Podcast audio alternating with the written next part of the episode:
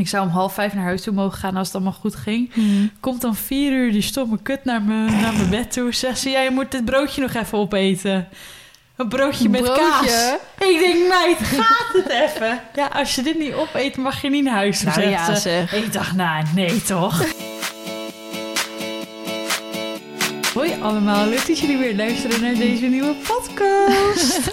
I'm back, bitches. Jee, is Mees terug. Heel veel mensen denken, oh shit, deze podcast ga ik nu niet meer luisteren. Nee, we willen Sjoerd terug. Ja, oh, Ik heb wel veel positieve reacties gekregen op Sjoerd's podcast, moet ik zeggen. schattig. En ook echt wel veel, eh, dat we eigenlijk bijna gewoon... Nou, volgens mij gewoon evenveel luisteraars hebben. Dus dat scheelt. Echt? Ja, Wauw. dus dat wel heel erg grappig Goed inderdaad. gedaan, jongens. Ja, hij heeft je plekje goed even warm gehouden. Ja, fijn.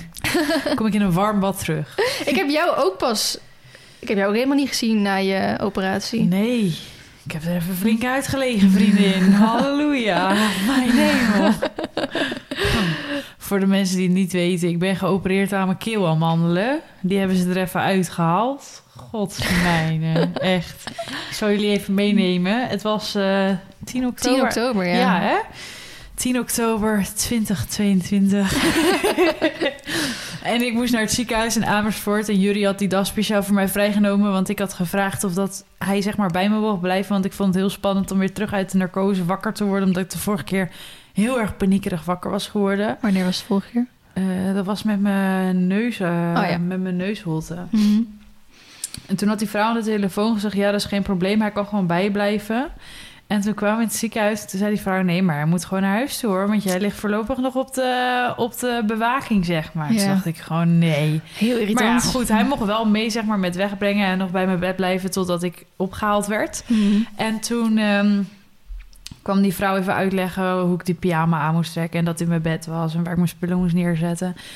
Toen zei ze, ja, je komt voor je keelamandelen. hè. Ze zegt, je moet je echt voorbereiden dat het echt de ergste dag in je leven wordt. Dus Jury begint knetterhard te lachen. Want die Oh dacht echt dat ik de afgelopen we- die weken daarvoor had overdreven. Met vrijvragen voor werk en het zal toch wel meevallen. Maar tegen mij was dat al drie keer gezegd door ook de KNO-arts Mhm. en zo. Maar ja, daar was hij natuurlijk niet bij geweest. Dus hij dacht, die meid heeft het even lekker zitten aandikken.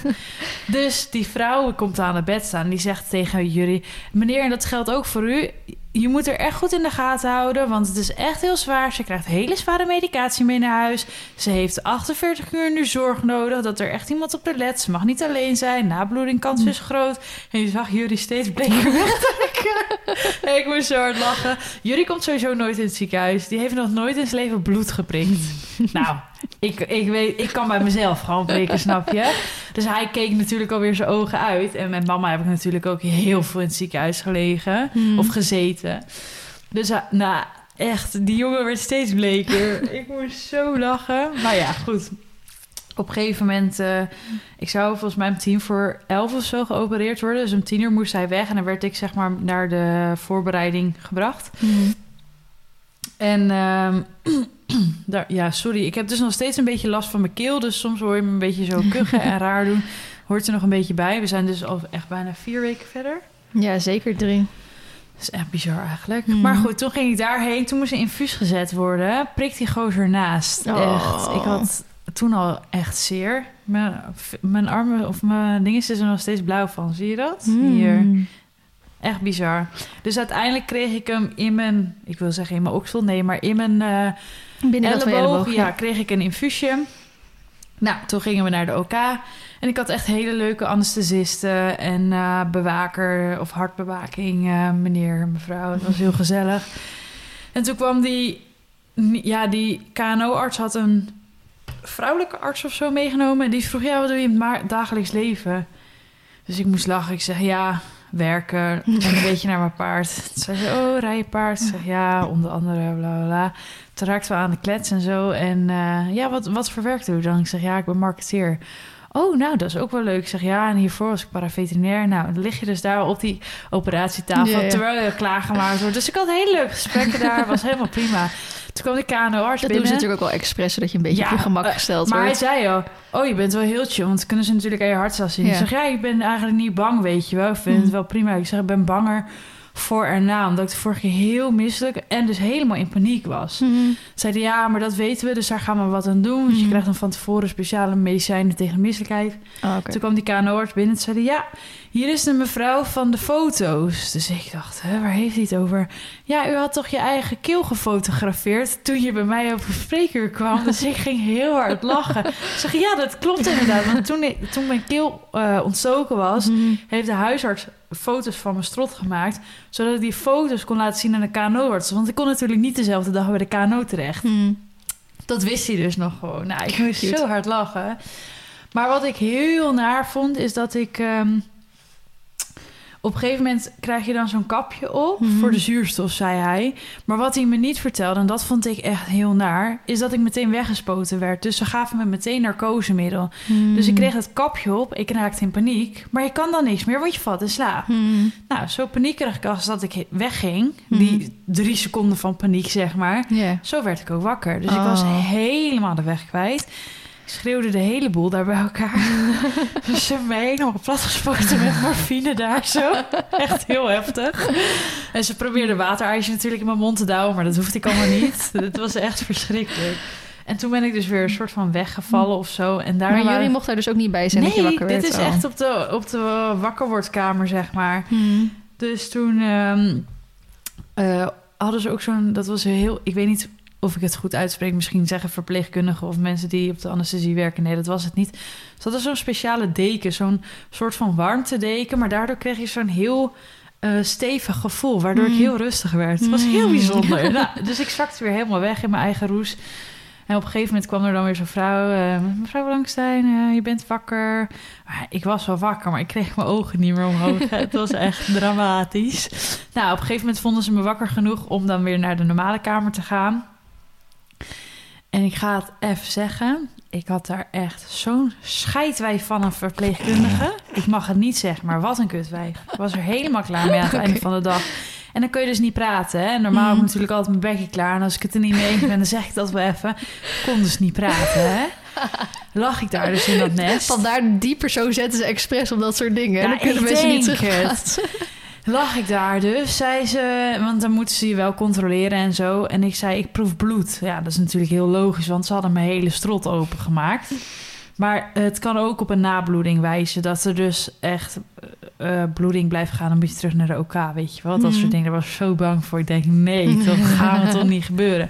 Ja, doe je mond dan even open. Kan ik even kijken, zegt ze. Maar je moet je voorstellen... met, ik denk wel 6 gram morfine in mijn bik... kreeg ik mijn al niet open. Laat staan mijn mond. Dus zij probeert zo mijn tong naar buiten te trekken... terwijl ik dus gewoon niks kon, hè. Nou, echt. Ik dacht echt, wat gebeurt me hier? Wat is dit? En ik lach er nu om, maar het was echt een traumatische ervaring. Dus zij zegt, nou, je hebt geen nabloeding hoor. Het is gewoon, het ziet er netjes uit. Eet maar een ijsje. Dus zij haalt zo'n waterijsje voor Hoe oud me. was zij? Ja, een jaar 50 had mijn moeder Oh. kunnen zijn. Maar ik dacht echt, een meid, je moet oppassen, want ik ram je zo hier de bed in. Ik was er toen al helemaal klaar mee. Nou, op een gegeven moment... ehm, eh, ze had mijn telefoon eh, had ik naast me in het kastje neergelegd, dus die kon ik zelf pakken. En ik moest dus... Mijn, mijn vader werd niet gebeld, jullie werd niet gebeld. Ik moest zelf appen dat ik wakker was. Jezus. Dus ik pak mijn telefoon en ik zie die lettertjes zo van boven naar beneden over dat scherm dansen. Ik dacht, het gaat niet goed hier. Hmm. Nou, al die roze olifanten door de lucht heen. Ik dacht, nou, ik, dit gaat niet. Dus ik heb jullie een bericht gestuurd. Yo, ik ben wakker. Hij zei, hoe gaat het? Ik zeg, wat denk je zelf? Het was echt dramatisch. Dus eh, op een gegeven moment eh, mocht ik bijna naar huis toe. Ik zou om half vijf naar huis toe mogen gaan als het allemaal goed ging. Hmm. Komt dan vier uur die stomme kut naar mijn, naar mijn bed toe. Zegt ze, ja, je moet dit broodje nog even opeten. Een broodje met Broodje? kaas. Ik denk, meid, gaat het even? Ja, als je dit niet opeet, mag je niet naar huis Nou ja, ze. zeg. Ik dacht, nou, nee toch? dus nou, ik ga je nu een filmpje laten zien. Ik weet niet waarom. Ik heb dit dus gefilmd. en dit is hilarisch. Want ik, ben, ik lig er helemaal af. Ik, ik, nou, ik vond het echt best wel heftig om mezelf zo terug te zien. Omdat ik... ehm, omdat het... Je bent zo naar de kloten van de medicatie en van de pijn. Ja, dat was echt niet oké. Ik lig dus hier... Wacht. Dit is al überhaupt Dit mooi dat echt- dit voor mij ligt. Ik lig dus hier dat broodje op te kanen. Let op mijn ogen zometeen. Dan snap je, ik kon gewoon die ogen niet meer open houden. Laat staan kauwen. ik zie het, dat was echt heftig. mooi, mooi. ja. Dus dat was, eh, goed. dat was hier om tien voor half vier. Dus moest ik even het broodje wegkouwen. Nou, en toen kwam Jury en toen moest ik alleen maar huilen. Want ik vond dat zo stom wijf. Want ze vroeg ook aan mij, hoeveel pijn heb je? En dan zei ik, ja, een acht. Nou ja, je kan dan, ik praat nu, maar ik, acht, acht. Ja. Zo, ik, ik kon gewoon niet praten. Zegt ze, nou, dat kan echt niet hoor. Jij kan niet zoveel pijn hebben met alle medicatie die je al gekregen hebt.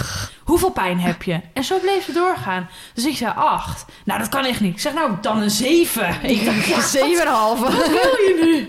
Nou, dan kreeg ik dus wel weer extra pijnmedicatie. Mhm. Maar gewoon op de manier hoe ze me behandelde, vond ik echt niet relaxed. Dat was echt a-relaxed. Heb je dat ook aangegeven? Eh, nou, wanneer had ik dat moeten doen? Want ik heb niemand meer gezien.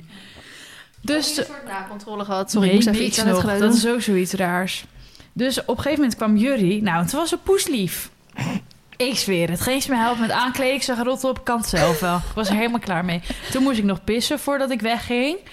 Dus ik zei, jij hoeft me niet vast te houden. Jury doet het wel. Dus Jury nam me mee en toen zaten we in de auto. Toen zei ik, het was zo'n strontwijf. Toen zei Jury, nou, ze was hartstikke aardig tegen je. Wat is er met jou? ik zei, het was echt zo'n kutwijf. Ik was helemaal van de Je had eigenlijk even zo je spraakrecorder Ik aan moeten was zetten. Of moeten... helemaal klaar mee. Hè? Dus toen mocht ik eigenlijk naar huis toe. Nou, dat was de maandag. Oh ja, wat ik nog even moet vertellen. De apotheker kwam nog even langs aan mijn bed. Gaan ze je dus, terwijl jij aan de zware morfine ligt... gaan ze je vertellen wat je mee naar huis toe moet nemen qua Oh, medicatie. Ben je echt twee seconden later weer vergeten? Ik had geen idee. Ik zat alleen maar te knikken. Het was raar. Maar ik wist wel dat ik ehm, zes keer per dag paracetamol moest slikken Mhm. vier keer per dag eh, korte, eh, vier tot zes keer per dag kortwerkende oxycodon, twee keer per dag lange, langwerkende oxycodon en vier tot zes keer per dag Jezus. diclofenac. Ja, En, en dat terwijl je slikken pijn doet.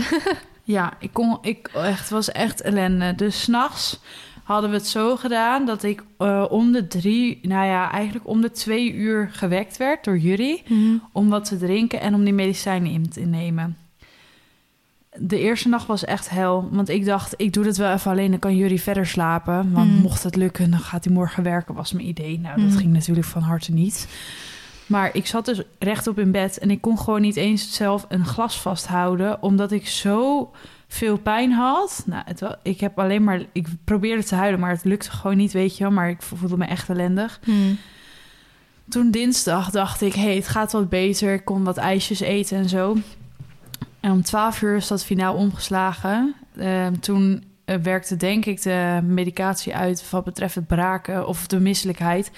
En de dinsdag en de woensdag heb ik alleen maar gebraakt. Alleen maar. Dus dat was echt hel, want alles doet natuurlijk zeer. Alles is open. Lekker dat zure En op- kots naar boven. Op woensdag zei ik echt, ik wil niet meer. Bel een arts, spuit me plat. Ik wil niet meer. Stop die amandelen maar weer terug. Ja, ik was er echt zo klaar mee. Toen kreeg jullie, want we hadden dinsdag al drie keer naar het ziekenhuis gebeld voor medicatie tegen de misselijkheid. Die kreeg hij niet. Ik moest, maar, eh, moest me gewoon rustig houden. Hmm. Woensdag gingen we weer twee keer bellen en uiteindelijk kreeg de medicatie tegen de misselijkheid. En toen donderdag knapte ik semi op van de misselijkheid, zeg maar. Hmm. Maar ja, dan zit het natuurlijk nog tussen je oren. Dus je kan je voorstellen, dat was echt hel. En ehm, ja, de weken daarna, of de week, ja, eigenlijk twee weken daarna waren echt, echt best wel afzien. Ik heb het echt eh, flink onderschat. Ik vond het echt verschrikkelijk. Eh Baloo lag er natuurlijk ook nog in de lappenmand, want die had Oh, daarvoor ja. nog eventjes de benen opengehaald ergens aan. Dus die had er snee eh, wat smerig diep was, zeg maar. Waar, Mhm. Waarvan ik dacht, ja, dit moet gehecht worden. Dus die werd ook nog eventjes gehecht. Maar wat wel heel leuk was, ik was dus op maandag geopereerd... en ik wilde die hele week natuurlijk al naar mijn paard toe. Hmm. Maar dat ging allemaal niet. Op vrijdag mocht, eh, mochten de hechtingen eruit. Nou, ik dacht helemaal dat ik dat zelf ging doen. ik kon natuurlijk helemaal niks. Ik lag nog steeds gewoon ziek lang uit op de bank. Dus wat had eh Roseline gedaan? Want die heeft die week gewoon voor Baloo gezorgd. Die heeft die hechtingen eruit gehaald. En die dacht, nou, paard is braaf. Ik zadel erop. Paard had dus 2,5 week stilgestaan. Want voor die hechtingen had ze natuurlijk een dikke sprong. Hmm. Die heeft dat paard opgezadeld. Die is naar mij toe komen stappen en draven over de weg heen. Echt zo leuk. Gewoon dat paard had gewoon... Baloo had gewoon 2,5 week niks gedaan. Ze stapt op. Iedereen op stal zei, ga je dit echt doen? Ja, dat gaat wel goed. Is dat een vriend ook meegenomen, Nee, toch? ze was Oh, alleen. Helemaal alleen. Helemaal alleen. Dus toen stond ze in één keer voor de deur. Nou, toen kon ik echt mijn geluk niet op. Maar. En het was echt, echt super leuk. Maar daarna was ik helemaal kapot. Ja, snap Het was echt een drama. Dus, ehm, en vooral omdat je dan ook nog aan die zware medicatie zit, dat alles gewoon. Het leek wel of dat het extra zwaar was of zo. Om, ja, mijn hersens werkten gewoon niet. Ik kon niet naar mijn scherm kijken. Het was echt eh, heel intens. Heel veel pijn gehad. Ik dacht dat ik echt wel wat gewend was met al die keelontsteking die ik had gehad. Hmm. Nou, dit was echt keer tien gewoon. Ik hoop echt dat niemand die deze podcast luistert ooit zijn amandelen moet laten Ja, verwijderen. Want die bent helemaal getraumatiseerd door jouw verhaal. Of geen, geen goed, goed woord voor. Ik hoop gewoon echt dat het, omdat het twee weken afzien was, dat ik nu kan zeggen: Nou, ik heb nooit meer keelontsteking Mhm. gehad. Dat hoop ik heel erg. Maar de kans is ook aanwezig dat ze gewoon teruggroeien en dat ik gewoon opnieuw onder het mes moet. Toen zei ik zei ook tegen mijn baas, want vorige week vroeg hij ook eh, hoe was het. Ik zei nou, dan zou ik er echt wel twee keer over nadenken hoor. Want Ja. ik, ik weet niet of ik dat zou doen. Nee, Echt niet. heftig. Dus dat was zeer intens. Dus ik pak even mijn agenda erbij wat ik daarna verder gedaan heb. Wat We moeten het ook nog over een irritatie of een struggle hebben. En daar gaan wij ook nog even flink op los. Oh ja, dat is ook wel, ja. Ik ben dus ook ehm, nog naar de notaris geweest voor een Oh, samenlevingscontract. nice. Heb je ook hebben, testament gedaan? we hebben nog niet getekend hoor, Oh. maar dit was zo'n gesprek. Oh ja. ja, we willen dus een samenlevingscontract en testament. Mhm. Maar daar kwamen ook vragen voorbij die je dan in één keer zo erg aan het denken zetten... dat je denkt, ik vind dat soms best wel intens. Maar laten we daar zo meteen verder op gaan. Eerst een irritatie, struggle of anekdote? ja. Mag jij nu beginnen, dan kan ik even wat water Nou, drinken. ik heb hem in de vorige podcast met Sjoerd ook al een klein beetje verteld. Ik heb niet verteld waar het over ging, maar wel... Zo, ik ga mijn riem wat los- wat los doen. Maar wel over dat, eh, dat ik hem met jou zou gaan beantwoorden. Want jij hebt hem ook een beetje meegemaakt. Oh, ik weet wel waar je op doelt. Ja, ik... ehm, we hebben allebei jonge paarden. ja. En ehm, toen in de, in de tijd van Olympus, toen hij een jong paard was... maar goed, hij had natuurlijk ook nog een heel medisch gedoe... kreeg ik ook wel eens zeer regelmatig eh, andere meningen, laat ik het Ja. zo zeggen. ja. Hoe, over hoe je je paard traint, wat je met je paard doet, bla bla. Nou, die heb jij met Baloo ook vast en zeker Ja. gehad. Ja, genoeg. En het is echt opvallend dat het vooral is met jonge paarden. Want met Mar heb ik dat eigenlijk Dat is raar, toch? weinig gehad. Misschien niet, niet negatief bedoeld, maar misschien doe je daar nog wel meer bij fout, even zo gezegd, eh, dan, dan met zo'n jong paard. Ja, ik weet het niet. Dus ehm, ik had... Nou, ik heb best wel vaak die trainingen bij Wesley online gezet. En eigenlijk had ik daar nooit echt iets negatiefs op gekregen of zo. En toen had ik dus die, een heel klein stukje les van Astrid. Astrid Ja. inderdaad eh, online gezet. In een vlog. En ook in de vlog had ik daar eigenlijk helemaal geen negativiteit op gehad. En toen had ik een klein stukje ehm, op mijn eh, Instagram... had ik Ja. een foto geplaatst. En dan daarachter dan een klein ja, stukje van, filmpje. van ja. die vlog. Ehm, was echt vijf seconden, denk ik. ja, en het was ook echt gewoon dat meer zo van, nou kijk, dat. eh want ik vind het altijd jammer dat ik niet zoveel video's op Insta plaats. Maar dan komt alles wat ik film, dat plaats ik natuurlijk op YouTube. Ja, jij hebt daar een heel, eh, een hele, hoe heet het achter? Ja, Een hele strategie, zeg maar. ja precies. Dus daarom dacht ik, nou leuk, dan eh, screenshot ik dat even. Of dan screen record ik dat eventjes. En dan los ik het op die manier op. Toen kreeg ik dus een reactie van iemand. Ben ik de enige die een equine pain face herkent bij Nacho? Even Ja. We gaan straks over in wat dat zou moeten zijn. Maar wat ik al vrij irritant hier aan vind, is dat iemand dat echt zo reageert onder mijn post. Ehm, ja, van hallo, kijk mij. Maar ook zo ben ik de enige die. Dus dan wil je eigenlijk van anderen horen. Ja. Ja, dat zie ik ook, weet je wel. Mensen, Mhm. dan, daar impliceer je mee dat je dat wil. Ehm, en ik vind het altijd best wel irritant als iemand iets ja, negatiefs of, of feedbackachtigs plaatst. Dan wil ik ten, wil, dan zou ik dat graag zien dat je dat een beetje op een normale manier plaatst. Mhm. Eh, of dat je mij daar gewoon even een DM over stuurt. Maar dan nogmaals, dan hoop ik dat je dat gewoon op een normale manier kan zeggen. Nou, op zich is de vraagstelling niet heel negatief. Het is meer dat, ik, dat het bij mij een beetje verkeerd binnenkomt. Omdat ik zeg, ja, of tenminste omdat ik dan denk van... oké, nu wil je dus dat meerdere mensen op jou gaan reageren van... ik zie dit ook, weet je wel? Mhm. Dus één iemand had erop gereageerd van nope. Dus zo van, nee, je bent niet de enige. Hm. Nou, daar begint het dus al. En dat vind ik altijd heel erg irritant. Want dan gaan dus allemaal mensen daar dan op reageren. Ja. Wat ik het ook heel irritant aan vond, is dat ehm, meeste mensen die mij volgen, die weten ook wel het verhaal met Olympus. Ik denk mensen die voor mij pas recent hebben gevolgd, die hebben hem nooit meegemaakt. Mm. Maar meestal weet je wel hier en daar een beetje met hoe dat is Mhm. gegaan. Dus dat eigenlijk elk klein, als, als Nacho al, weet ik, van een keer een stap verkeerd zet of een keer Ja, een hoest of zo, ben je gelijk bang. Ben je gelijk onzeker. Nou, ik heb hem niet voor niks natuurlijk helemaal laten keuren om dat in ieder geval uit te sluiten. Dus ik had gereageerd, want het schoot bij mij een beetje verkeerd. Van, ik vind het echt ontzettend respectloos dat je zoiets reageert. Je weet hoeveel pech ik met Olympus heb gehad en dat elk klein dingetje mij enorm onzeker kan maken. Ik kan er niet bij dat je zoiets gaat reageren. Mm. Nou, en toen ging het natuurlijk alleen maar van kwaad tot erger. Dus toen reageerde diegene ook weer eh, van... eh, eh, nou, dat staat hier helemaal los van. Ik weet, daar heb ik de screenshots niet van gemaakt. Mm. Nou, daar gingen dan natuurlijk weer mensen op reageren... die het niet met haar eens waren. Gingen weer mensen op reageren die het ook zagen. Dus zo ging het zo een beetje door. en, dan, erg, ja. en dat vind ik altijd irritant... dat er dan zo'n soort van discussie... of Mm. wat dan ook wel eens niet eens verhaal daaronder komt. Ehm, en meestal als dat gebeurt, dan verwijder ik alles. Mhm. Want dat is dus wat ik geen zin in heb. Dus dat je een positieve post of wat dan ook, weet je wel. ja, ja. Dat dan in één reactie zo doorgaat. En wat je ook gewoon vaak ziet, is dat mensen dan tegen elkaar ingaan. En daar ja, wordt het dan ook wordt niet... het ook niet beter hoor. Want je gaat het toch niet eens worden dan. Precies. Eh, dus heb ik die reactie verwijderd. En het soort van grappige was... Nou, grappig, is dat meerdere mensen, zowel mensen die ik persoonlijk ken... als mensen die mij een DM stuurden op Insta, zeiden van... hey, die persoon die die reactie heeft geplaatst... die eh, doet dat vaker, weet je wel. Die staat daar een soort van onbekend... dat ze altijd Mm. iets over iemand te vinden heeft... en altijd alles is al maar, maar negatief en zo. Dus toen dacht ik, oh... eh, zo iemand heb ik dus even geen zin in op mijn Instagram-account. Dus daar ben ik vrij makkelijk in geworden de afgelopen jaren. Dat Ja. heb ik toen ook al met Olympus geleerd. Blokkeren. Daar ben ik echt eh, best wel makkelijk in geworden.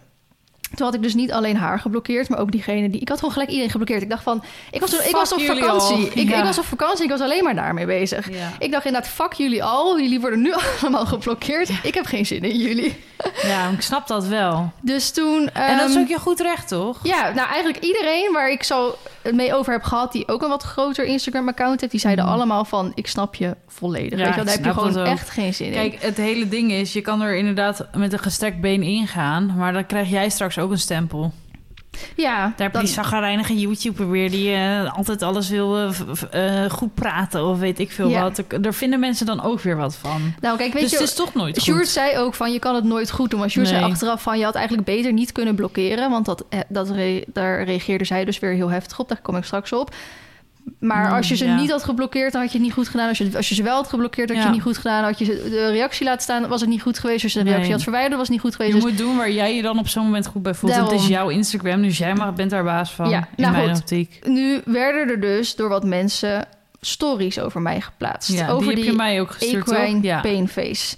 Dat equine, moet je even googlen wat dat is. Dat Ja. zou dus iets zijn, dat soort van zeven kenmerken aan een paardenhoofd... dat je kan zien dat hij pijn zou hebben. Nou, dat is bijvoorbeeld iets met de oren of met de ogen... of hoe hij zijn neusgaten houdt of hoe zijn mond houdt en bla bla.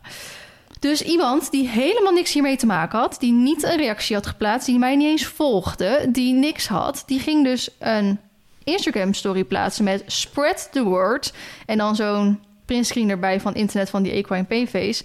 En dan er in tussen haakjes bij... blijkbaar word je geblokkeerd als je dit herkent bij een bekende YouTuber...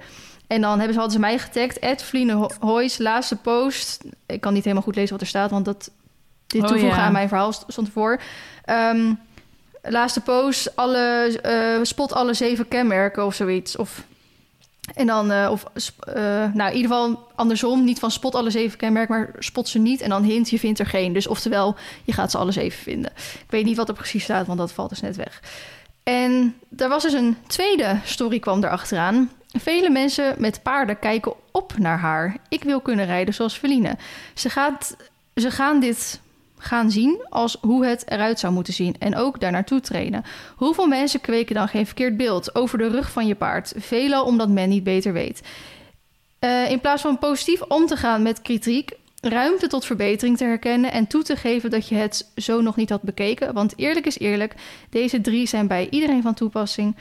Mensen gaan blokkeren. Werkt jammer genoeg averechts.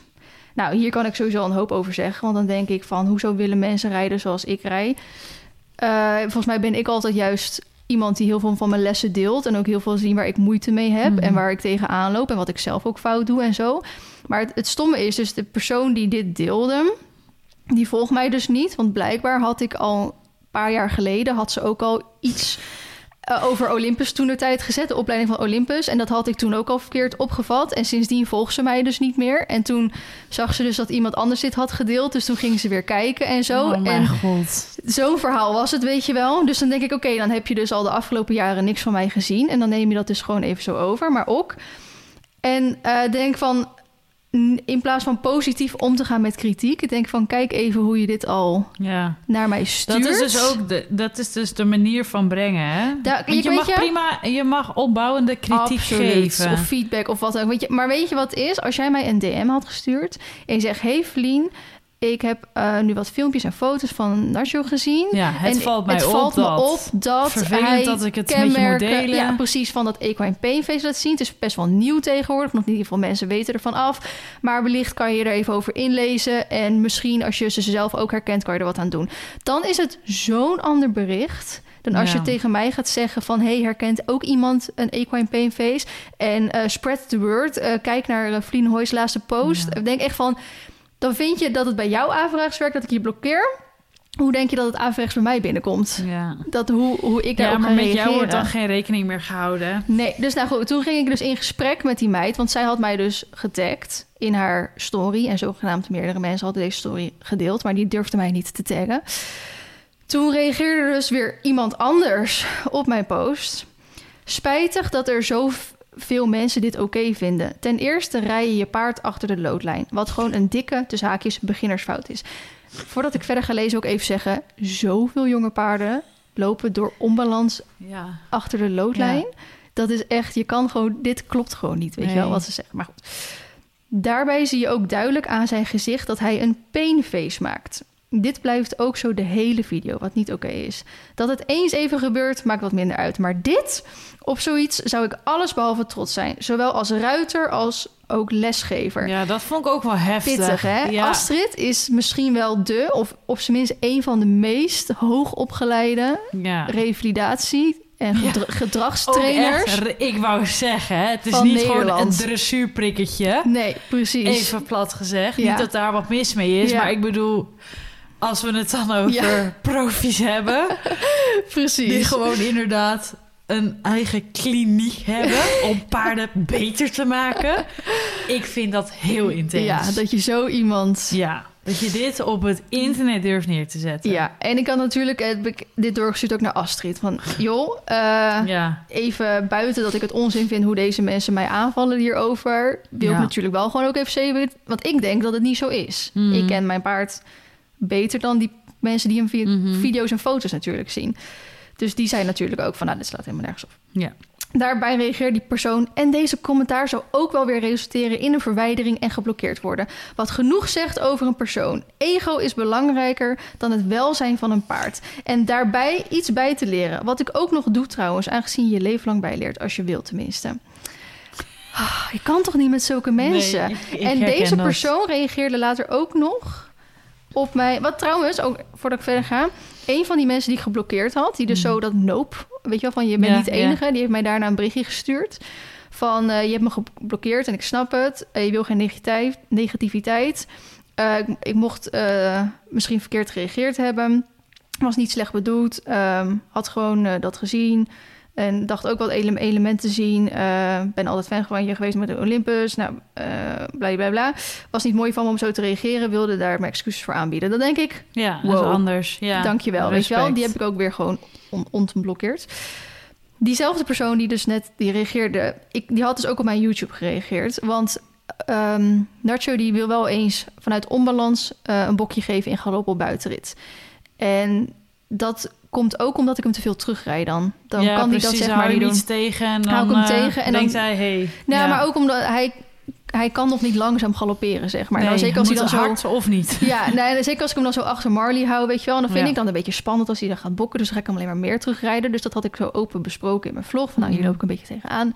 Toen hebben echt super veel mensen gezegd van... Vlien Jong Paard, die moet je vooruit rijden. Ja. En eh, als dat niet achter Marley kan, dan moet je hem gewoon voor, voor, Marley ja. zetten. En dan had ik al Ja. zo helemaal zoiets... Oh, dat vind ik wel helemaal spannend. Want als hij dan Ja. ervan doorgaat, kan ik hem niet tegen Marley aanremmen, snap nee, je? Dat maar dan rem je hem wel tegen een boom aan of zo. Dus ehm, nou, vandaag ook in de les eh, heb ik hem ook flink vooruit moeten rijden van Helma, weet je wel. ja. Dus had iemand erop gereageerd. Het is net het tegenovergestelde dat je moet doen. Rustiger tempo en terug naar de basis. Nadat je de dierenarts, osteopaat en dergelijke hebt laten komen... aangezien bokken een reden heeft. En die reden ofwel pijn is, ofwel het verwachten van pijn. Je paard er dan doorheen stampen... zal er uiteindelijk resulteren in learned helplessness. Je paard geeft jou dan dus op. Als eerst, ik ben nu al helemaal klaar met die termen pain face en learned helplessness. Echt, het is een soort hype, hè? Ja, ik heb, ik heb hier dus helemaal niks nog Het van. is, oké, het bestaat, de termen bestaan wel een aantal jaar, komen volgens mij vanuit Amerika, maar het is helemaal de afgelopen weken helemaal hot Nou, in ik- Nederland. Ik weet ook niet om elkaars waarom... paarden te gaan zitten beschuldigen van learned Ik weet niet waar helplessness. Baloo dan ook allemaal last van heeft, hoor. Die wordt straks ook bestempeld met alles.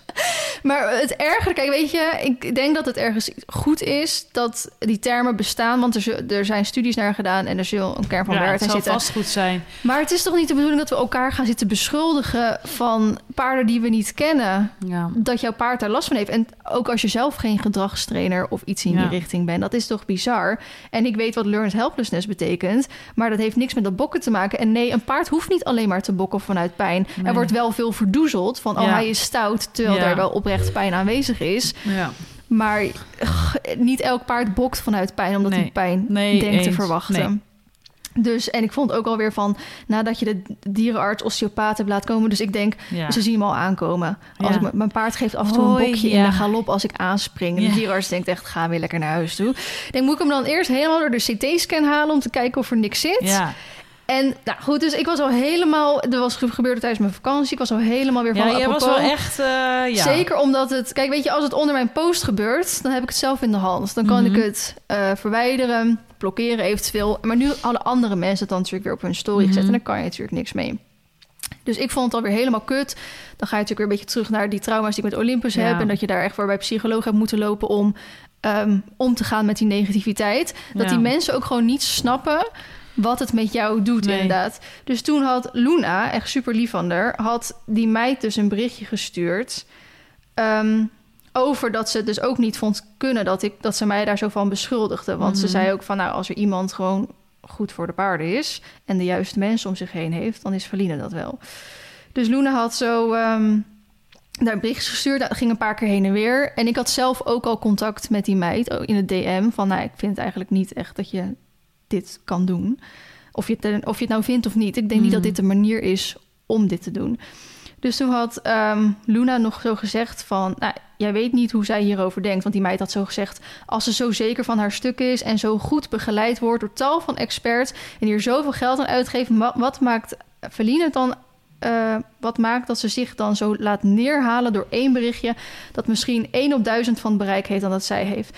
Dus Luna zei, maar jij weet niet hoe zij hierover denkt. Als zoiets jou raakt op de verkeerde manier, ben je niet zo blij. En, al, en dingen op social media anders overkomen en zo. Zegt ze, ik hoop dat het haar raakt. Ze uit haar bubbel stapt en eens nadenkt om er iets mee te doen. Want ik heb vroeger haar al vriendelijk aangesproken. Dan is er toch gewoon iets mis in je hoofd als je dit... Oh, dit is wel jammer dat mensen zo moeten zijn. Dat is toch gewoon bizar Maar dat je zo gewoon- bent. Ik weet niet waar ik de tijd vandaan moet halen om dit soort dingen te doen. Nee. Ik Maar bedoel echt. maar. Nou, ik vond het wel weer heel heftig. En nogmaals, mocht hij En voor het... haar is het één berichtje en voor jou lig jij de hele nacht wakker hiervan. Precies. Plus En zeven je bent dagen. constant aan het refreshen om te kijken of er nog meer mensen negatieve Ja. reacties hebben geplaatst Ja. of wat dan ook. Dus ja, dat is wel echt een ding.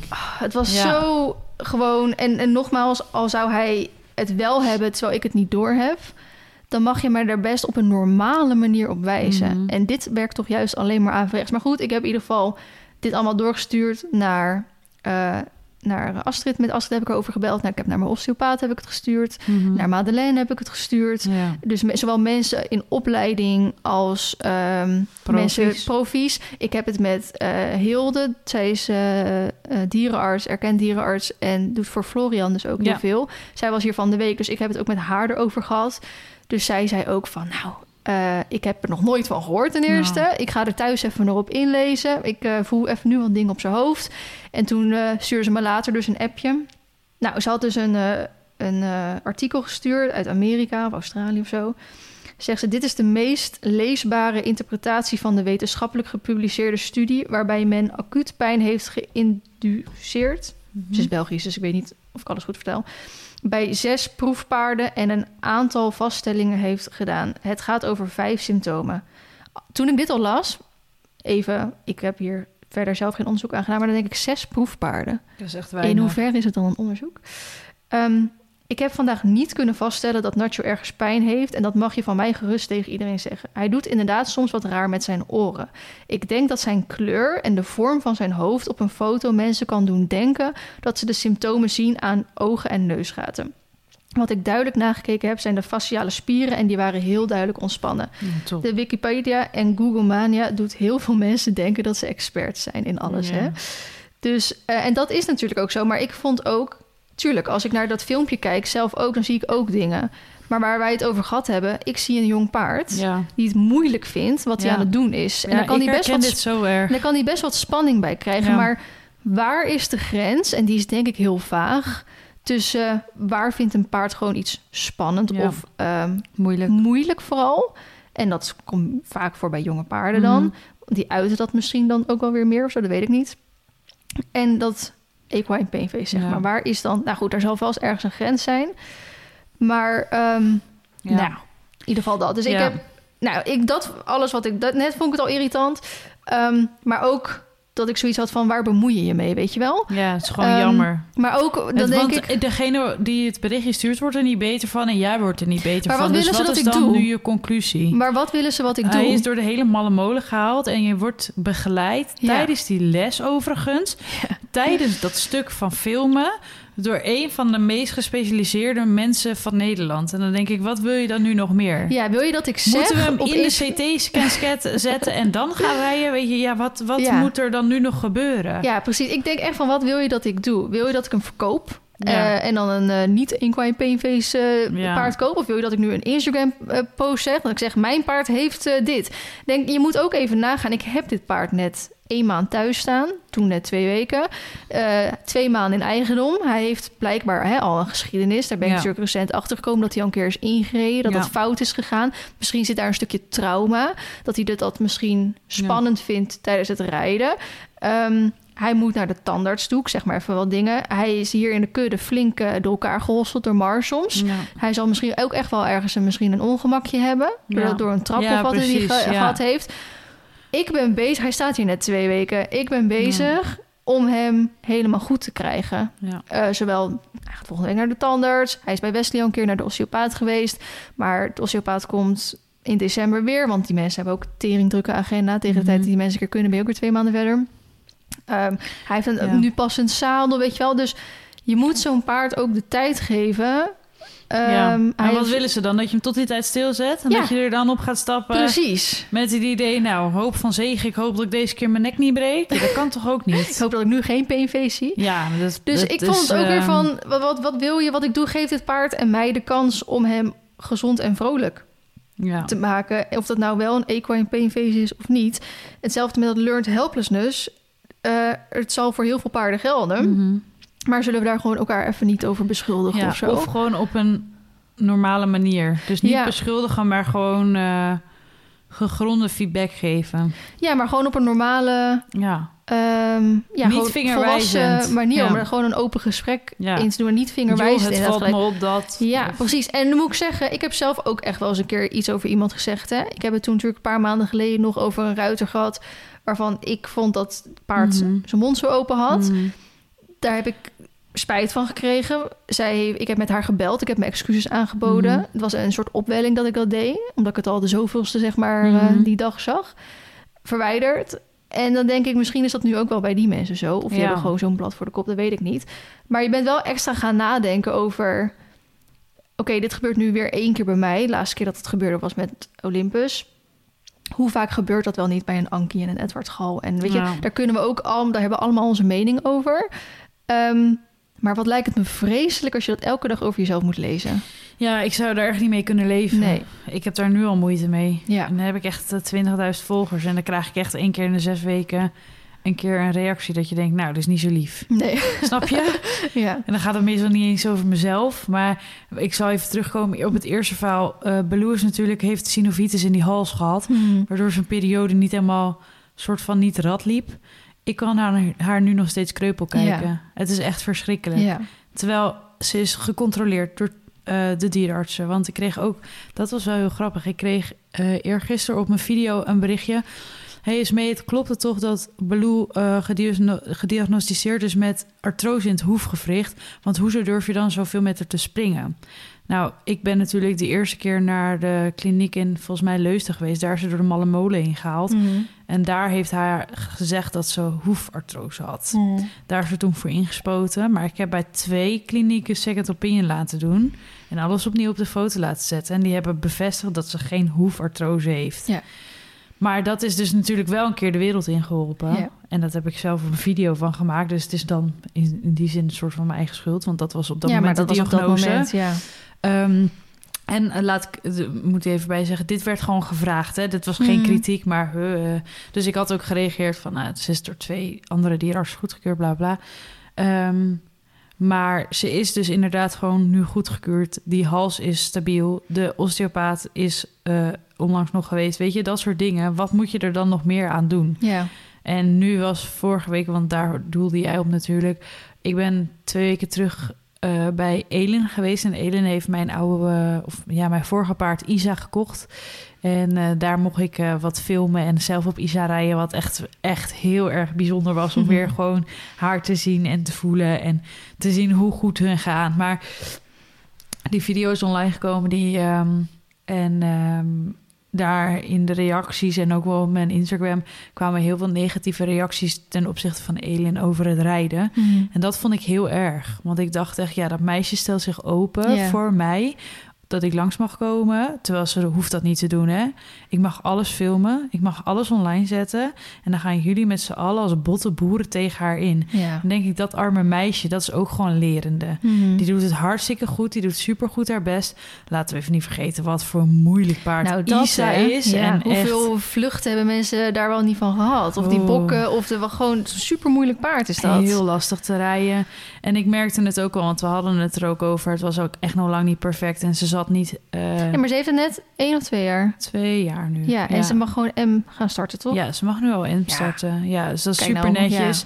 Kijk, en wat ik zeg, het is niet allemaal perfect. En we gingen bijvoorbeeld schouder binnenwaarts oefenen. En dan zie je bij haar dat ze de activiteit kwijtraakt. En dan zeg ik, hup, wat meer aan het been. En dan bij mij probeer ik dat en dan gaat ze de kop zo kantelen. En dat, dat is natuurlijk ook niet goed, want dan ben je, krijg je gewoon een twee voor je oefening. Mhm. Ehm, maar dat waren gewoon dingen waarvan ik dan zei: hé, hey, dit valt me op en dat valt me op. En oh, heeft ze dit al lang? Niet per se negatief, maar wel gewoon dat het anders was, snap je? Ja. En dan denk ik, ja, daar mag je je kritiek op geven. Maar iedereen was echt super lovend over mij, hoe ik erop wegreed. Toen dacht ik echt, nou, ik voelde me echt een beginner. dus dat, dat voelde echt zo, dat ik echt dacht, ja, wat doe ik hier? En waarom Mhm. lukt het me niet om wat meer lengte in de hals te krijgen? En waarom lukt dit me niet? En waarom dat niet? En dan denk ik, ja, daar krijg ik dan niks. Daar heeft niemand dan wat over te zeggen. Ja. Alsof ze dat dan een soort van in één keer wel begrijpen. Maar dan wel zo'n meisje van negen, volgens mij is uh, Elin 19 of zo, helemaal met de grond gelijk maken. Nou, ik voelde me zo lullig daar tegenover. Mhm. Dus ik heb haar ook direct geappt van, nou, neem het ze niet. Uh, ja, hoe zeg je dat? Neem het een beetje met een korreltje zout. Mhm. Jij weet zelf, zij weet zelf ook wat haar aandachtspunten zijn. En zij heeft, net zoals jij zeg maar, niet van die stille benen. Waardoor Ja. het dan meteen lijkt alsof je dat Constant hele paard kapot trapt. Ja. En omdat zij dan sporen rijdt. Ja, en, dan en is lange het- benen, rond, lange, rond, ja, nee, niet ronde benen, maar dat het zo om het paard heen valt, weet je wel. Ja, Mhm. dat valt gewoon allemaal net wat meer op. Ja, dan denk ik, ja, ik vond het gewoon heel sneu. Ik Ja. vond het echt, eh, Ja, en weet je wat ik van dat verhaal en mijn verhaal gewoon zo irritant vind? Zoveel mensen durven niet meer foto's en, rij- niks. en, Zij niet video's video's te van zetten. hun Ze rijden zeggen, op ja, Insta dit, te dit is zetten. precies de reden waarom Ja. ik er niks op zet. En eerst snapte ik het niet. Hè? En toen Of- zei ik ook, maar trainen is niet mooi, hè? Trainen is lelijk. Ik zeg, en dit zijn we nu aan het doen. Want Je zij- wedstrijd hoort mooi te zijn, je training hoort lelijk ja, maar zo is het wel. Zo sta ik er wel een beetje in. Hmm. denk ik, ik stap na twee jaar voor het eerst weer op dat paard.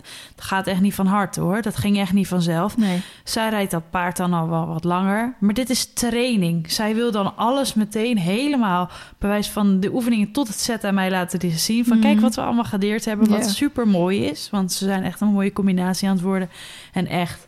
Wordt, Isa wordt echt behandeld als prinses, weet je wel. Kan niet anders zeggen. Mhm. En dan denk ik, daar, dat is dan wat mist. Maar ja, ook iemand die dan een reactie geeft.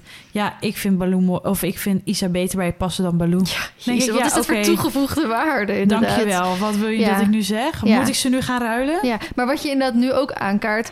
hoezo moeten we, als je twintig dingen goed doet... en je doet één ding fout... hoezo moeten we dan focussen op dat ene ding wat fout gaat? Want dat je, dat, wat jij zegt ook... Isa wordt behandeld als een prinsesje... dit en dit gaat allemaal goed, dit gaat wat minder... en dat wordt eruit gepakt. En dat Ja. heb ik bij mij ook wel eens van... eh, nou, ik denk dat ik het goed doe qua welzijn... als Mhm. mijn terrein een keer afkomt in ieder geval... Mhm. Ehm, dus ik heb de paarden 24-7 buiten. Ik heb ze in een kudde. Ze hebben onbeperkt ruwvoer. Ze hebben dit, ze hebben dat. Ja. En dan gaat er één dingetje ergens mis en dan wordt dat eruit gegooid. En dan in één keer word je Ja. gecanceld, bij wijze Ja. van spreken. Terwijl ik denk, hoezo, ik doe al die dingen goed. Doe jij alles goed? Ja, dat, ik vind dat heel lastig. Ja. En vooral ook omdat het nu niet over mezelf ging. Ik Ja. vind eh, kritiek op mezelf. Ik ben niet de beste ruiter en ik ben lerende en ik ben geen springruiter. Maar ik heb wel een mega goed springpaard onder mijn reet. Waar mensen misschien ook wat van vinden. Dat ze dan kunnen zeggen: ja, waarom zet je er niet een, goed, een goede goede ruiter op ja. om hem een keer naar het set te rijden? Ja. denk ik: ja, het kan. Maar ik wil het zelf doen. Ben ik gewoon fucking eigenwijs.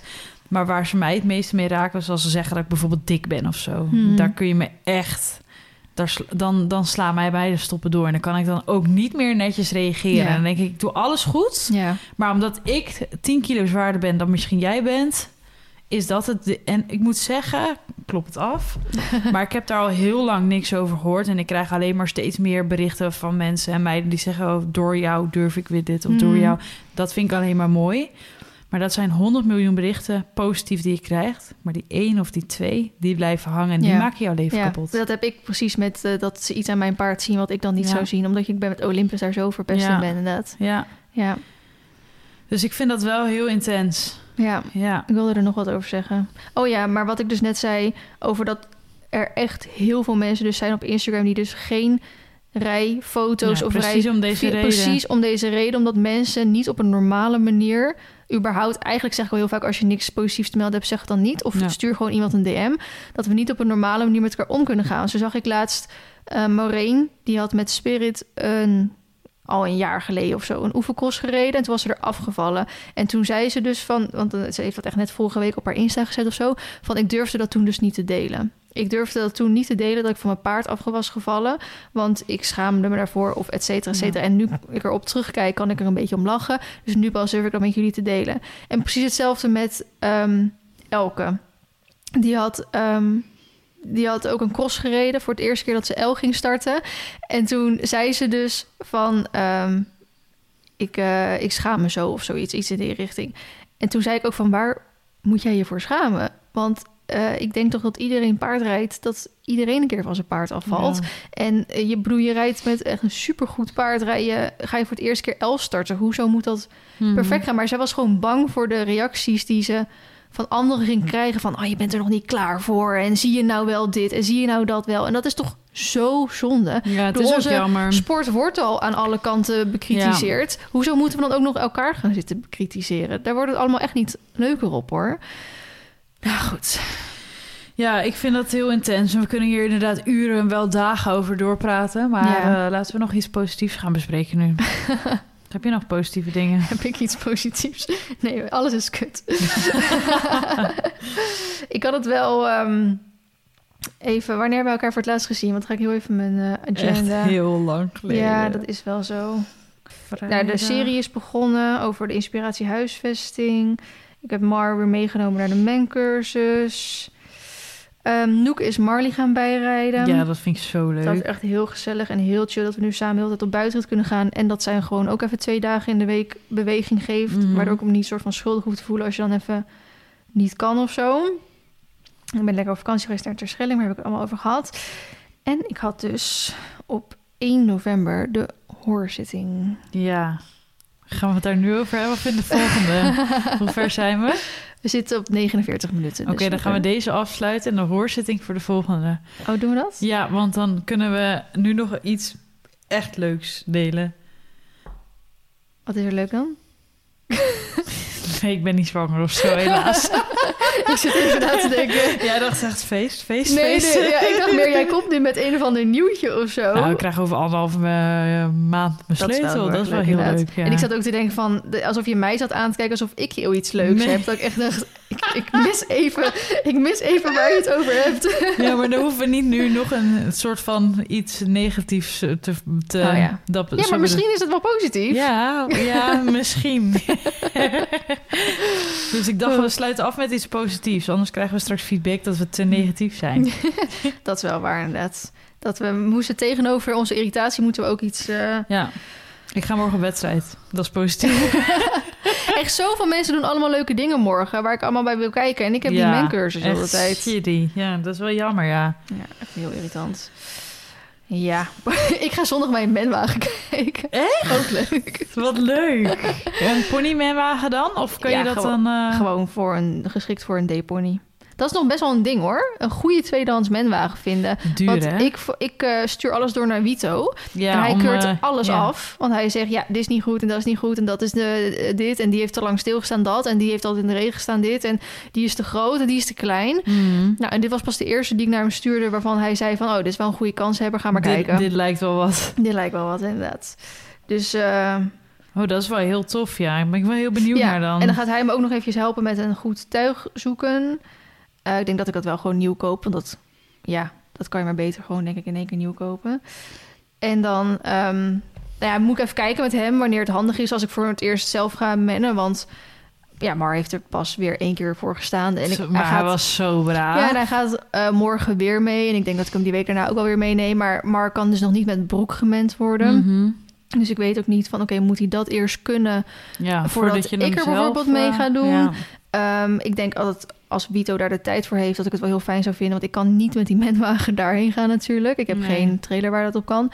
Ehm, dat Vito misschien hierheen wil komen. Dat we Ja. hier eh, een paar keer een rondje kunnen doen. En dat ik het dan hopelijk zelf kan op een gegeven moment. Ik weet ook niet zo goed wanneer is dat moment. En heel veel Mhm. mensen die beleren zelf hun eh, paard voor de wagen. En dan, tuurlijk. Maar ik weet, ja, het is weer even iets nieuws natuurlijk.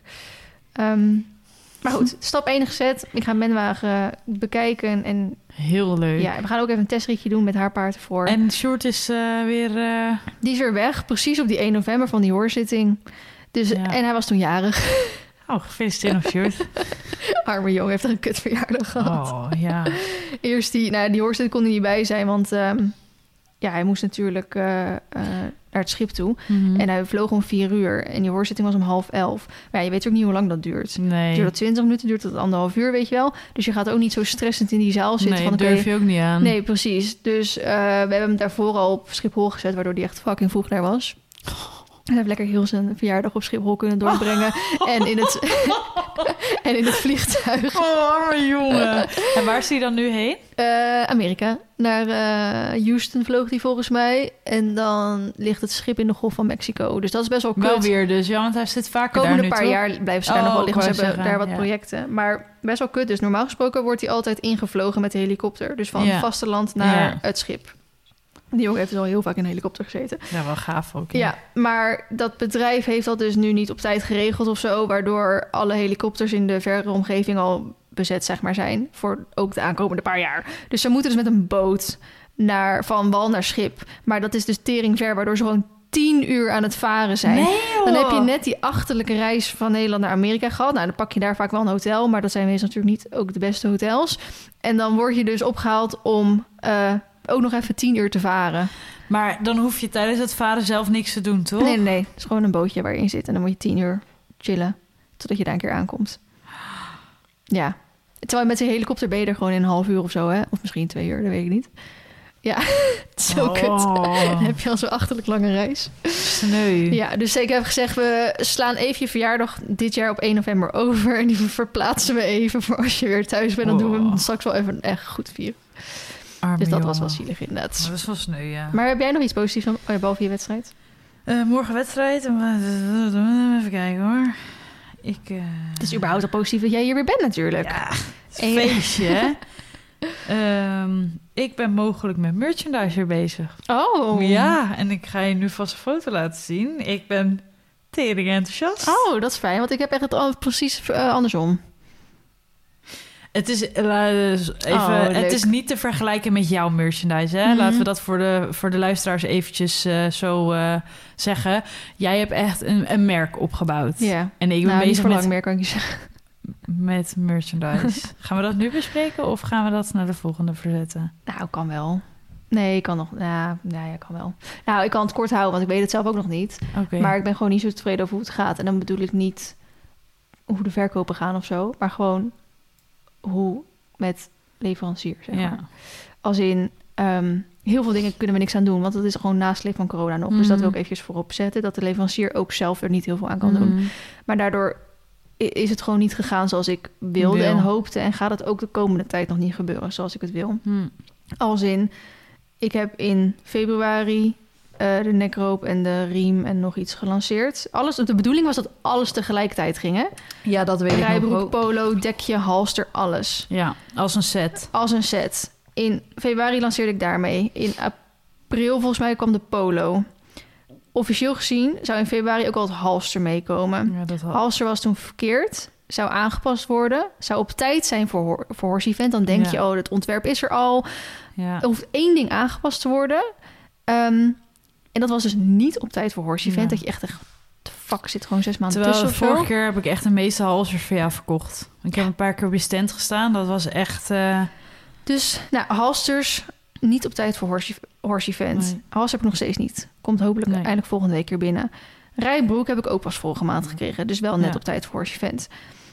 Dekje krijg ik hopelijk deze maand eindelijk nog een keer een sample van. En volgens Ja. mij is dat wel een soort van laatste sample ik moet doen. Want op een gegeven moment hebben ze, heeft de leverancier ook zoiets... ja, je moet een keer ja, een keuze maken. keuze gaan maken. Terwijl ik eigenlijk nog steeds niet helemaal daar ben waar ik wil zijn, weet je wel. Mhm. Want de bedoeling was dat we een perfect artikel van alles maken... Ja. die je dan eigenlijk alleen nog maar een andere kleurtjes hoeft uit te geven... Ja. waardoor je nu even struggelt met het goede ja, vinden. Het, het perfect maken, maar dat het er straks helemaal is. ja, punt. maar als ik niet op het perfecte kom... want ik moet op een gegeven moment stoppen met samples... dan hoe ga ik daar dan ooit komen, zeg Ja. maar. Dus daar heb ik gewoon wat moeite mee, laat ik het zo zeggen. Ehm, waardoor ik zoiets heb van... eigenlijk als het op deze manier moet, dan hoeft dat van mij niet. Nee, dan is het ook niet waard. Dan, Dan het, er ook niet meer op. Nee, precies. Maar ook omdat, weet je, als mensen een nieuwe collectie online zien, dan denken ze, oh leuk, dat dekje past bij die polo. En dan, oh nou, laten we dan ook nog gelijk die rijbroek doen en nou, die nekroop. Ja. dan verkoop je dat allemaal wat meer in één. Nu heb ik elke keer losse lanceermomenten. Ondertussen hebben al zes verschillende merken, waaronder een Lemieux, exact dezelfde kleur als mijn polo. Dus iedereen Ja. heeft al lang een- dekje daarbij gezocht. Ja, Ja. hoe ga ik ooit dekjes straks nog kwijtraken als Ja. de polo's al grotendeels op zijn? Dus mensen moeten echt bewijs van het dekje loskopen... of net een aparte maat van die polo hebben die ik dan nog heb liggen. Ja. Dus ik zit echt van, hoe moet ik dat gaan doen straks? Dus Ben je nu wel verplicht om die dekjes nog af te nemen dan? ja, Oh, dus... ehm, oh Daarom heb ik hè? Daarom zit er best wel gewoon even een beetje niet echt een positieve vibe om mijn collectie. Dus ik zit er heel erg over na te denken om te stoppen ermee. Dat dit gewoon nu eventjes, wat nu nog in bestelling staat, gedaan wordt, uitverkopen. En we stoppen ermee. Maar dat ik, wat ik sowieso wel wil blijven doen, is producten verkopen waar ik sowieso altijd achter sta. Zoals bijvoorbeeld de nekroop's. De Ja. nekroop's zijn perfect. De eh, riemen zijn grotendeel perfect. Er zijn nog wat Mhm. dingetjes waar ik aan- wat aan zou willen veranderen. Ehm, ik zou heel, heel, heel, heel graag een vlogmas trui willen uitbrengen. Ik heb dat van Ja. mijn favoriete Ja. YouTuber uit Amerika. Die heeft dat ook al een paar jaar geleden gedaan. Toen ik ook al dat idee, dat idee heb ik al honderd jaar. Ja, Voor volgend achter- jaar. ja, ik ben nu sowieso al te laat. Maar zij hebben bijvoorbeeld ook twee van die vlogmastruien uitgebracht. Ik heb ze allebei gekocht. Zitten super lekker. Draag ik echt heel het jaar door. Mhm. Ook gewoon midden in de zomer, bij van spreken. Dus ik zijn best wel wat dingetjes die ik super graag zou willen uitbrengen. En dan denk ik van, nou, dan ga ik me misschien daar maar op focussen. Ja. Meer van momenten in het jaar dat dat dan zou passen. Maar het is toch ook een beetje van, ja, ik zou zo graag ook wel weer een collectie willen doen. Maar dan moet het echt gewoon allemaal in één keer af zijn ja. Allemaal af zoals ik het wil. Ja, en en allemaal dat ik het ook tegelijkertijd kan uitbrengen. En dan is de kans aanwezig als ik dat wil, dat je dan echt pas in 2024 zit. Dus dan heb ik zoiets van ja. Ja, is het het dan nog waard? Ja, en zeker ook met hoe het nu een beetje gaat, ehm, wil ik even kijken of ik van leverancier wil veranderen. Dus daar ga ik deze maand gesprekken met andere leveranciers doen. Kijken of ik weer naar mijn oude leverancier terug ga. Want daar zijn ook toen dingen niet goed gegaan, waardoor ik naar een nieuwe leverancier op zoek ging. Ehm, maar goed, daar kan je in gesprek over gaan. Dat, je, dat je dat niet meer wil en eh, of dat te voorkomen is. Ja. Eh, ik heb gesprekken met iemand nieuw. Eh, Miranda, die appte mij, of dus die belde ik vandaag nog over iets anders. En die zei, oh, misschien ken ik nog wel een bedrijf daar die dat zou kunnen doen, weet je wel. Dus ik wil even eerst gesprekken met iedereen aangaan om te kijken, oké, wat wil ik? Mhm. Want wat even duidelijk moet zijn, is een collectie opzetten. Dat kost een paar tienduizend euro. Laat ik dat even op, Ja. En eh, dat ligt er een beetje aan hoe je leverancier ermee omgaat. Sommige leveranciers zeggen: Oké, wij schieten dat een soort van voor. En dan terwijl jij zeg maar bij- bij ons bestelt, dan betaal je dat dus zo op die manier af. Mhm. Sommigen zeggen ook: je betaalt gelijk alles zelf in één keer. Wordt niks voorgeschoten. Ehm, en dan ligt het natuurlijk ook nog aan de aantallen. Hè. Vaak beginnen de aantallen al vanaf 300. En in sommige Ja. dingen bijvoorbeeld al vanaf 600. Dat vind ik echt heel lastig. Dus als ik bijvoorbeeld al 300 polo's moet, 300 rijbroeken, 600 sokken, eh, 400 halsters, weet je wel? Nou, tel maar even uit. Ehm, en wat best wel lastig is, en dat is natuurlijk ook omdat er een extra stapje tussen zit. Kijk, als ik qua kosten beter uit wil zijn, dan moet ik het natuurlijk zelf rechtstreeks uit Azië of zo halen. Mhm. Maar nu doe ik het via leverancier in Nederland of Duitsland of België, omdat die al het wiel hebben uitgevonden. Maar Ja. daardoor betaal je hun ook een stukje. Maar daardoor ja, wordt het wel soms wel wat duurder natuurlijk, want je marge blijft wat lager. Eh, waardoor bijvoorbeeld hun, ehm, zij adviseerden om de polo, voor hun wordt de polo fabriceren iets duurder. Natuurlijk sowieso inflatie en zo. Waardoor ze mij adviseerden om ook de prijs van de polo omhoog te gaan doen naar eigenlijk minimaal 50 euro. Ja, is duur, hè? En ik vind dat eigenlijk gewoon te veel geld Ja. ehm, voor een polo. Tenzij je bijvoorbeeld een Piers of Sweden Escadron, weet ik het wat, ben, Mhm. weet je wel. Dus ik wil heel graag goede kwaliteit leveren voor een behapbare prijs. Weet Ja, je wel? Dat is gewoon wat ik graag wil. Onmogelijk. Dus daarom zit ik nu die gesprekken te voeren om te kijken, is dat bij iemand mogelijk? Mhm. En als ik, weet je wat, als ik een perfect product kan vinden, waar ik super echt miljoen procent blij mee ben, dan durf ik daar ook 50 euro voor te vragen misschien. Of dan durf ik ook die investering te doen. Als ik echt denk, nou, dit moet, moet iedereen gewoon hebben, weet je wel. Maar dat is bij elk product, is dat gewoon nog niet zo. Zit ik misschien wel op die 90 procent, Mhm. maar nog niet op die 100 procent. Dus ik moet eerst eens gaan kijken bij die andere leveranciers van, kunnen zij mij dat bieden? Tegen welke hoe, hoeveelheid inkopen? Tegen welke Ja. prijzen ook weer? En dan kan ik besluiten, oké, dat ga ik dus niet meer doen. Dan ga ik stoppen met collecties. Want dan, ik vind ook een beetje, daar heb ik het met Anne vandaag over gehad. Je moet het niet gaan doen of je moet het 200% gaan doen. Ja, niet half. Nu ben ik het eigenlijk een beetje half aan het doen. Dan moet je echt, dan moet het ook eigenlijk los van elkaar gaan. Dan wordt het niet meer verkocht op vlienhooi.nl. Dan moet het een eigen website gaan krijgen. Moet het eigenlijk weer een eigen naam gaan krijgen, een eigen Instagram pagina gaan krijgen, weet je wel? Want dan moet je het op die manier gaan aanpakken als je echt een collectie wil gaan opzetten. Mhm. Ehm, als je dat dus niet wil gaan doen en gewoon puur een beetje merchandise, dus een nekroop, een riem, een vlogmestrui, nou wat voor producten dan leuk zijn, kan je dat prima op je eigen website doen. Ja. Dus dat zijn allemaal dingen van: oké, gaan we nu stoppen ermee? Omdat we gewoon niet tevreden zijn over hoe het kan. En dan neem ik ook mijn verlies. Hè? Ik heb het geprobeerd, prima. Ehm, maar dan kan het gewoon niet zoals ik het wil. Mhm. En of het gaat te veel geld kosten, of het is te veel risico. Mhm. Of gaan we het straks nog één keer proberen, Ja, maar dan anders. maar dan anders. En dat is nu precies deze maand waarin ik zit. Ehm, Heel om te kijken wat dat gaat worden. Nou, en daar sluiten we, sluiten we dan ook deze podcast mee af. Dus Yes. super bedankt voor het luisteren. En ehm, wij gaan even wat drinken en even, even tot onszelf komen. En dan starten we zo de volgende podcast. Dus zien we jullie volgende week, toch? Yes, tot volgende week. Doei doei! Bye.